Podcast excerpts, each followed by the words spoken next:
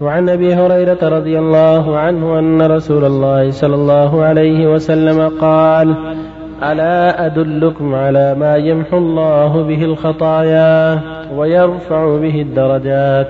قالوا بلى يا رسول الله قال إسباغ الوضوء على المكاره وكثرة الخطى إلى المساجد.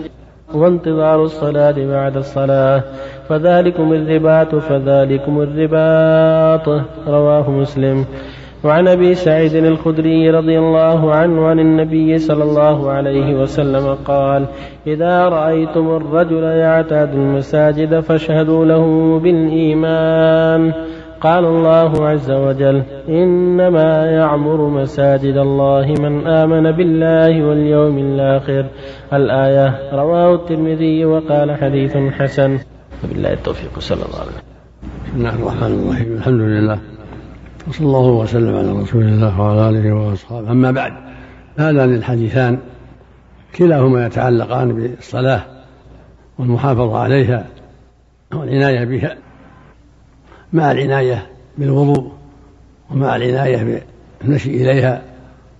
تقدم قوله صلى الله عليه وسلم إن أعظم الناس في الصلاة اجرا أبعدهم فأبعدهم ممشى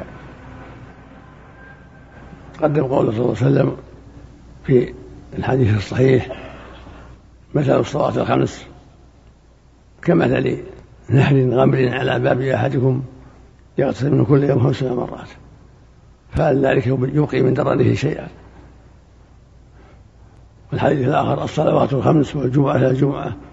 ورمضان رمضان كفارة لما بينهن ما لم تغش الكبائر وفي هذا الحديث يقول صلى الله عليه وسلم ألا أدلكم على ما ينفع الله به الخطايا ويرفع به الدرجات؟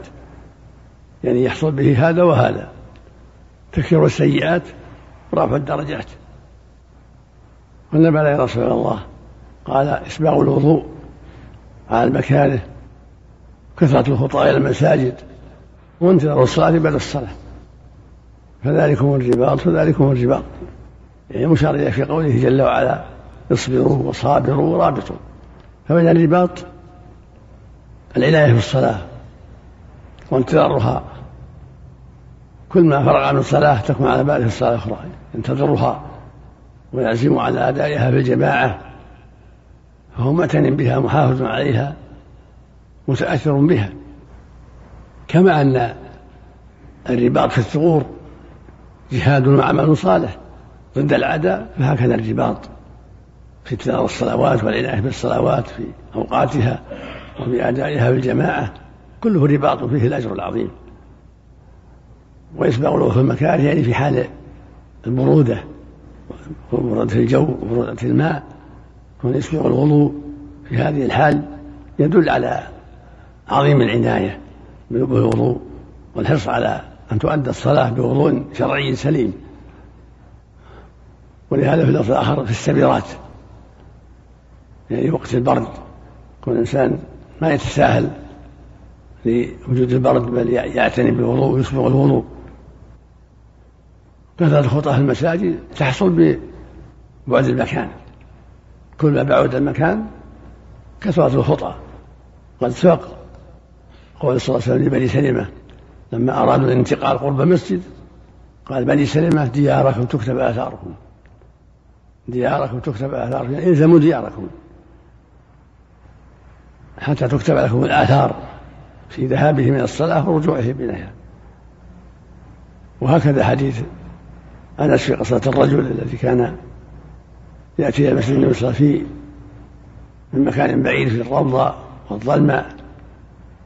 فأشير عليه يتخذ حمارا فقال لا إني أحب أن تكتب خطايا ذاهبا وعيبا فقال الرسول صلى الله عليه وسلم أخبروه بأن الله قد جمع له جمع له ذا كله.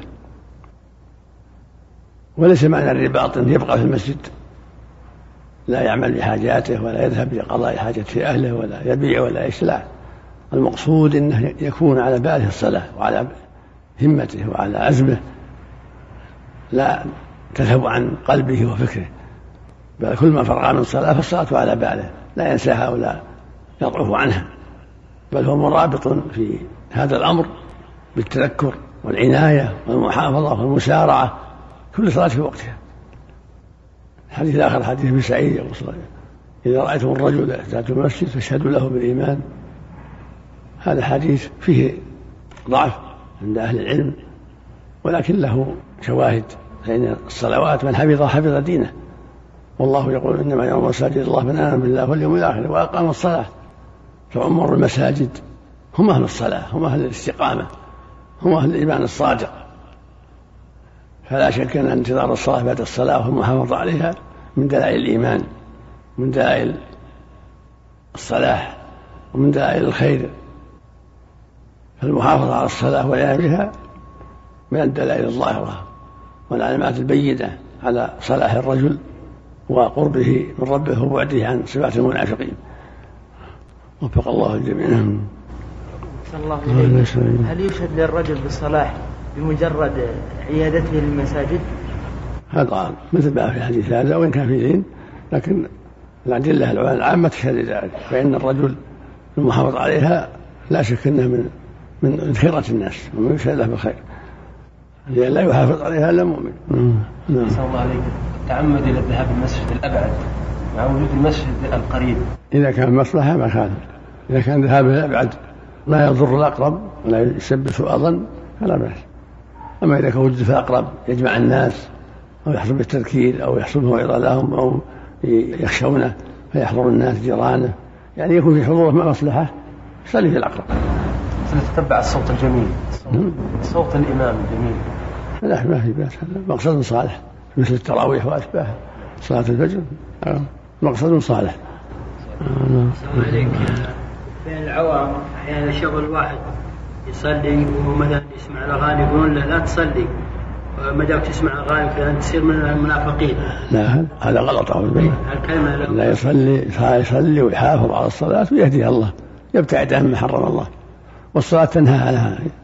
إذا حافظ عليها وانتهى يترك هذه الأشياء. إن الصلاة تنهى عن الفحشاء والمنكر. ومن حافظ عليها صادقا نهته عن الشر. شيخ سنة الجمعة. بعد قول شيخ الإسلام أنها تفعل بعد الصلاة تفعل في المسجد أربع ركعات تفعل في البيت ركعة دليل التخصيص. لا لا لا أربع ركعات مطلقة بعض الناس يستدل أو في المسجد. يستدل كان يصلي في البيت ركعتين لكن ما يدل على ترك الأربع ولكن له الأفضل أربع مطلقة حتى في البيت. لأن الرسول قال من كان مصليا بعد فليصلي بعدها أربعة. إذا صليتم بعد الجمعة فصلوا بعدها أربعة. هذا عام يعم البيت ويعم هو أفضل. كون النبي صلى الله عليه وسلم في البيت ركعتين يدل على الأمر مخفف ميسر. الحمد لله.